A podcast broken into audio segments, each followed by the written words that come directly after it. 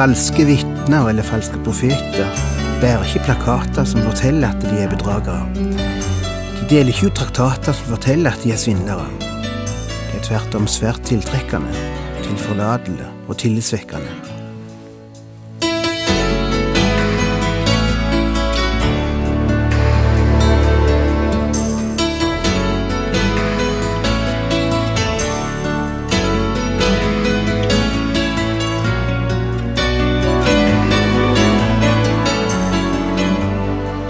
Hjertelig velkommen til et nytt program i serien Vindu mot livet. Vindu mot livet er basert på programserien Insight for Living ved Chuck Svindal. Programmet er produsert av Kristen Riksradio og blir ledet av Ola Joland.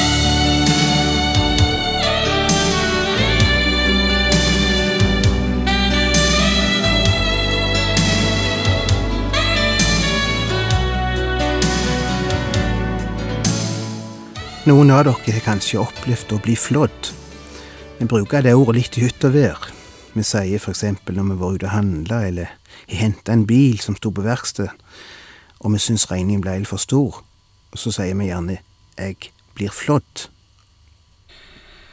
Men noen har nok opplevd å bli flådd helt bokstavelig. Opplevd å bli rana eller lurt. Noen tok pengene dine og sprang. Kanskje du stolte på dem. Kanskje det var partnere. Så ble du lurt. Det er en forferdelig følelse. Og mange av oss har noen bitre erfaringer som vi kan trekke fram ifra minnenes bok, eller minnenes bank. Og det smerter oss like mye hver gang vi trekker de fram. En meget suksessfull forretningsmann sto og snakket med en ung mann som så opp til han og gjerne ville vite hemmeligheten bak hans suksess. Og den gamle mannen, som var en mann av få ord, svarte kloke beslutninger. Hm, grunta den unge og skrev ned. Kloke beslutninger. Det skulle han huske på. Og han fortsetter. Kan jeg òg spørre deg om en ting til? Hvordan lærte du å ta kloke beslutninger? Den gamle mannen svarte. Erfaring. Hm, mumla den unge igjen, og skrev flittig ned på blokka. Erfaring. Og må jeg stille deg bare ett spørsmål til, spurte han. Hvordan oppnår du erfaringer som gir deg hjelp til å ta gode beslutninger? Den gamle mannen svarte. Dårlige beslutninger. Og vi har vel alle våre historier å fortelle her, våre personlige erfaringer, hvordan dårlige beslutninger nettopp var det som ga oss erfaring til å ta gode beslutninger. De beste erfaringene vi fikk, lærte vi nettopp ved å gjøre feil ved å ta dårlige beslutninger. Jeg har et dusin slike, som jeg ikke ville gjort om igjen, som jeg yngste skulle vært ugjort, men som likevel ga meg erfaringer som jeg ellers ikke ville fått. Ved sida av å komme ut for økonomisk svindel og bedrageri, er vel ingenting så smertefullt som å komme ut for religiøs svindel. Og noen av dere som hører på meg nå, vet personlig hva jeg snakker om nå. Noen av dere har fulgt slike religiøse ledere, kanskje i flere år, for så å oppdage at det hele var lureri. Det så ut som noe som var verdt å følge, men så viste det seg å være bedrag. Det engelske ordet for bedrag er counterfeit. Det betyr motsatt av facts, motsatt av det det er. Det er altså noe som ser ut som noe, men så er det det motsatte. Det ser ut som ærlighet, men så er det falskt. Det ser ut som noe omsorgsfullt, men så er det egoistisk og kynisk. Motsatt av det det ser ut som. Falskhet ser ikke ut som falskhet. Da er det ikke falskhet. Falskhet ser ut som ærlighet og sannhet. Det er det som gjør det så farlig. Falske pengesedler ser ut som ekte. Det er derfor så mange blir lurt av dem. Og igjen, av alle slags former for svindel er religiøs svindel det verste. Og la meg legge til her at svindlere er ikke dumriende. Folk som er svindlere, er ekstremt begava og dyktige i det de holder på med. De kan sitt håndverk. De har antagelig lært det fra han som kallast løgnens far, djevelen. Slå opp i andre Korinterbrev 11, vers 1-3. Der møter vi den første svindler som opptrådte på jorda. Han framsto alltid som en annen enn den han var. Jeg skulle ønske med en gang for alle kunne ha rydda av veien den misforståelse at djevelen er en liten figur i rødt som sitter på skuldrene og kvisker stygge ord inn i øret vårt. Nei, han er en lysets engel, sier Bibelen. Jeg skulle ønske at dere ville tåle litt galskap av meg. Ja, dere får tåle det. For jeg har en brennende omsorg for dere, Guds egen omsorg. Jeg har forlovet dere med Kristus, og bare med ham, for å føre dere til ham som en ren jomfru. Men jeg er redd at slik slangen narret Eva med sin list, skal også deres tanker bli ført på avveie bort fra den oppriktige og rene hengivenhet til Kristus. La oss legge merke til noen ting ved den første svindler som er opptrådt på jord. For det første, han narrer folk. Han narra Eva, sier Paulus her. Og i det ligger det sjølsagt at han gir seg ut for noe annet enn han er. Folk vet ikke hva de kjøper når de kjøper hans vare. For det andre er hans første mål alltid vårt sinn, våre tanker. Slik slangen narret Eva med sin list, skal også deres tanker bli ført på avveie, sier Paulus. Hans framgangsmåte appellerer til folk som bruker sine tanker. Det er der han sier dine første. Falske vitner er det falske profeter som Peter tar opp i det avsnittet som vi snart skal slå opp i. Bærer ikke plakater som forteller at de bedrar, eller at de løper æren for djevelen. De deler ikke ut traktater som forteller at de er svindlere. De er svært attraktive, tilforlatelige, tillitsvekkende. De er intelligente. De får oss til å tro at det ville være det klokeste vi kunne gjøre, å følge deres råd. vers 13-15 i samme kapittel. Disse er falske profeter, troløse arbeider som opptrer som om de var Kristi apostler. Det er ikke til å undres over, for selv Satan skaper seg til en lysets engel. Da er det ikke merkelig at han, hans tjenere skaper seg om til tjenere for rettferdigheten. Men til slutt skal de få lønn etter sine gjerninger. De virker altså tillitsvekkende. Deres budskap vekker tillit. De virker omsorgsfulle og intelligente og verd vår tillit, verd vår støtte og verd våre penger. Men de er falske. De tvister rundt våre tanker og vårt sinn. I ei bok som heter Crazy for God, skriver Christopher Edwards, som sjøl vart lurt inn i den berømte amerikanske sekten Unification Church, som på norsk får, fått, norsk har fått navnet Den forente familie, med pastor Moon som stifter og leder. Denne boken handler om hvordan et menneske raskt ble nesten ødelagt, nemlig meg selv. Det er historien om svindel, manipulering og terror som tusenvis av amerikanere opplever daglig i klørne av moderne kulter. Selv om det grusomme masseselvmordet som skjedde i Peoples Temple, var i regi av en annen gruppe enn denne, tror jeg den hendelsen kan forklare den spaltningen og absolutte lydighet som preger slike bevegelser og kulter. Min historie begynte uskyldig nok da jeg ble lurt til å være med på en hyggeweekend i juni 1975. på et gårdsbruk som var eid av en av lederne for Den forente familie i Berkeley, California.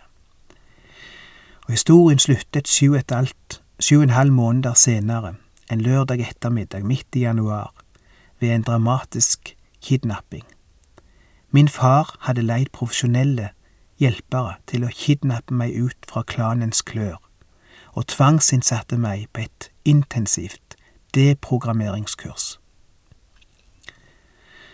På de følgende sidene vil jeg beskrive den uhyggelige indoktrineringsprosess som kom til å forandre meg fra å være en intelligent, uavhengig ungdom til å bli en fullstendig underordnet og lydig tjener av den nye Messias. Livredd for å stille spørsmål, fullstendig avhengig av mine ledere i hver eneste bevegelse jeg foretok meg, villig til å dø for min nye tro, og endog villig til å drepe mennesker for å restaurere verden etter pastor Moons lære. Jeg vil dele med dere den degradering jeg opplevde idet jeg steg i gradene av Moons organisasjon, inntil jeg ble en såkalt adoptert sønn.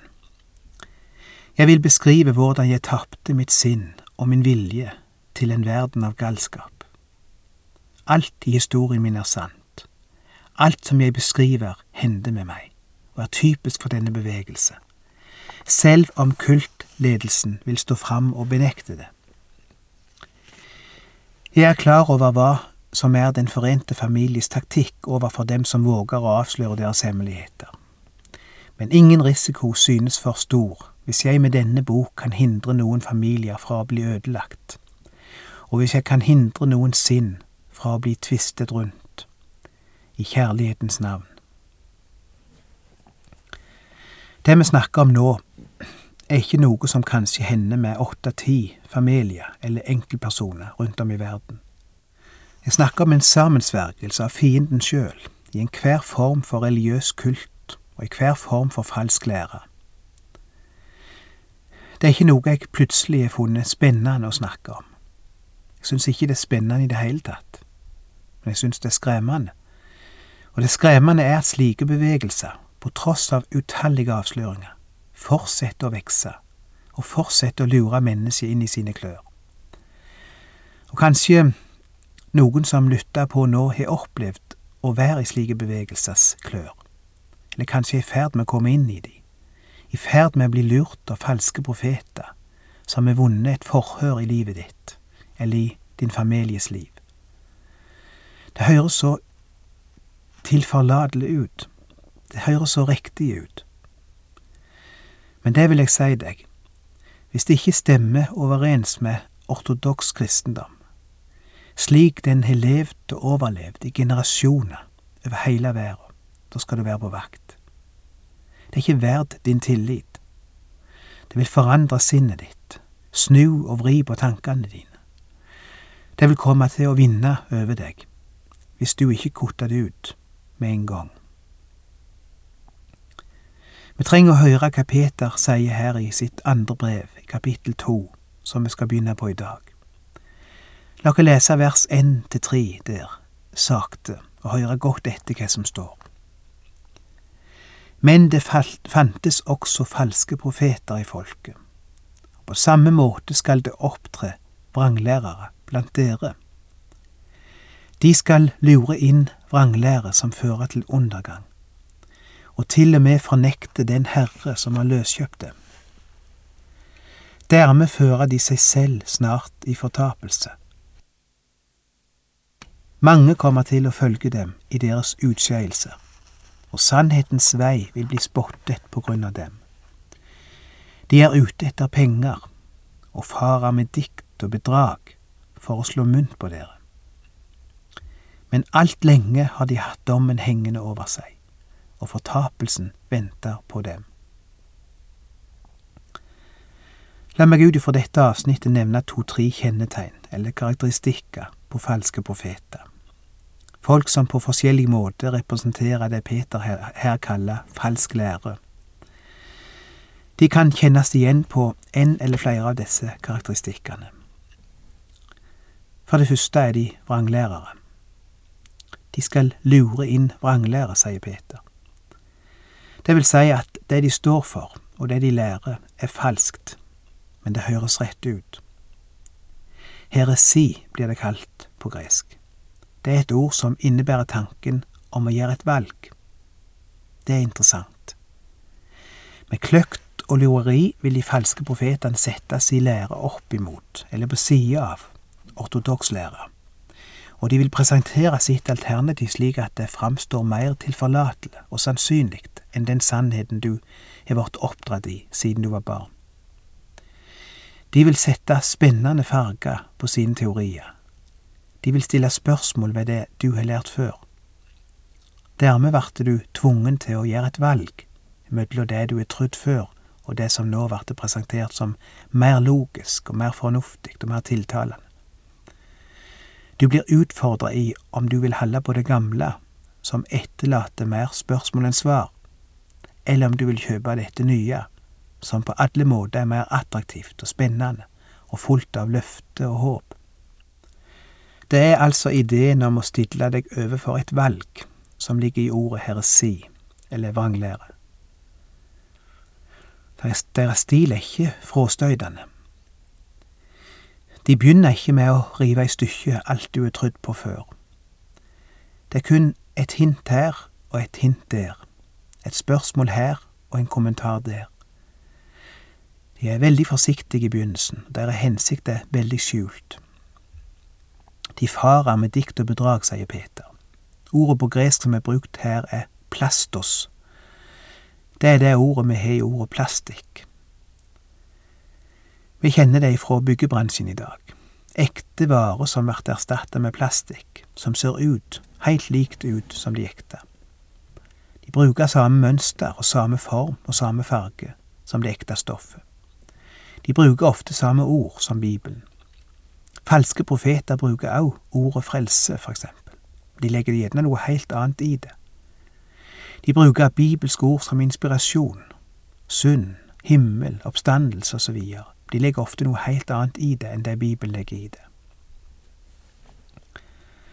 Vers 1 igjen. De skal lure inn vranglære som fører til undergang, og til og med fornekte den Herre som har løskjøpt dem.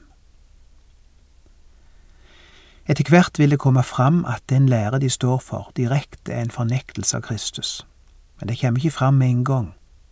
Men hvis du presser de, hvis de er pressa inn i et hjørne, så vil det komme fram. Falske lærere er bedre kjent for hva de fornekter enn hva de tror på. Du vil komme til å høre mye negativt ifra falske profeter etter hvert, det vil si ting de fornekter eller omtolker eller drar i tvil, enn du vil høre hva de virkelig står for. De fornekter ofte at Skriften er inspirert av Gud. De fornekter at mennesket er født i synd og har en uhelbredelig syndig natur. Noen fornekter at, Jesu, fornekter at Jesu død og Jesu blod kan rense dem for synd. De fornekter frelse og nåde ved tro. De fornekter at Jesus er sann Gud. Noen fornekter eksistensen av en djevel. Noen fornekter Jesu gjenkomst, slik det er beskrevet i Bibelen. Noen fornekter oppstandelsen ifra de døde. De fornekter den Herre som har løskjøpt dem, sier Peter. Det er et interessant ord, for det viser at endog de, endog om de er fornektere av den sanne tru og ikke er kristne, så har Jesus likevel dødt for dem. Noen lærer at Jesu død bare var for de som er utvalgt, de som tar imot i tru. Men her står det at Jesus døde òg for disse som fornekter han, og som fører mennesket vill. Det betyr ikke at de skal bli frelst, for Peter sier tvert om at de skal gå fortapt. Men samtidig sier han at òg disse døde Jesus for. Òg disse har han betalt for, hvis de bare ville tatt imot det. Og det gjelder alle mennesker. Visste du at da Jesus døde på korset, så var det for deg òg? Det var ikke bare for de kristne. Det var ikke bare de kristne sin synd Jesus sona og betalte for. Han har også sona de synd, enten du tror på han eller ikke. Enda om du fornekter han, eller nekter å ha noe med han å gjøre. Ennå for deg lei Jesus. Du sier at du ikke vil ha noe med det å gjøre, men du har noe med det å gjøre. For òg di synd vart lagt på Jesus da han hang på korset. Òg ditt liv måtte Jesus betale for. Og hvis du stenger ute Jesus ifra ditt liv, så stenger du ute Han som er dødd for deg. Og du får ingen nytte av det han gjorde, fordi du avviser det. Jeg har lyst til å slutte med det i dag, selv om vi ikke er ferdig med å snakke om falsk lære og falske profeter. Det skal vi fortsette med neste gang. Men la det stå igjen til slutt, som Peter nevner her. Au du var med da Jesus sona all verdens synd. Au du var med. Derfor kan au du få tilgivelse. Hvorfor henger han der på forbannelsens tre? Jo, fordi dine synder er der. Hvorfor roper han så, av sin Fader forlatt? Kun for deg, for din sjel det jo er.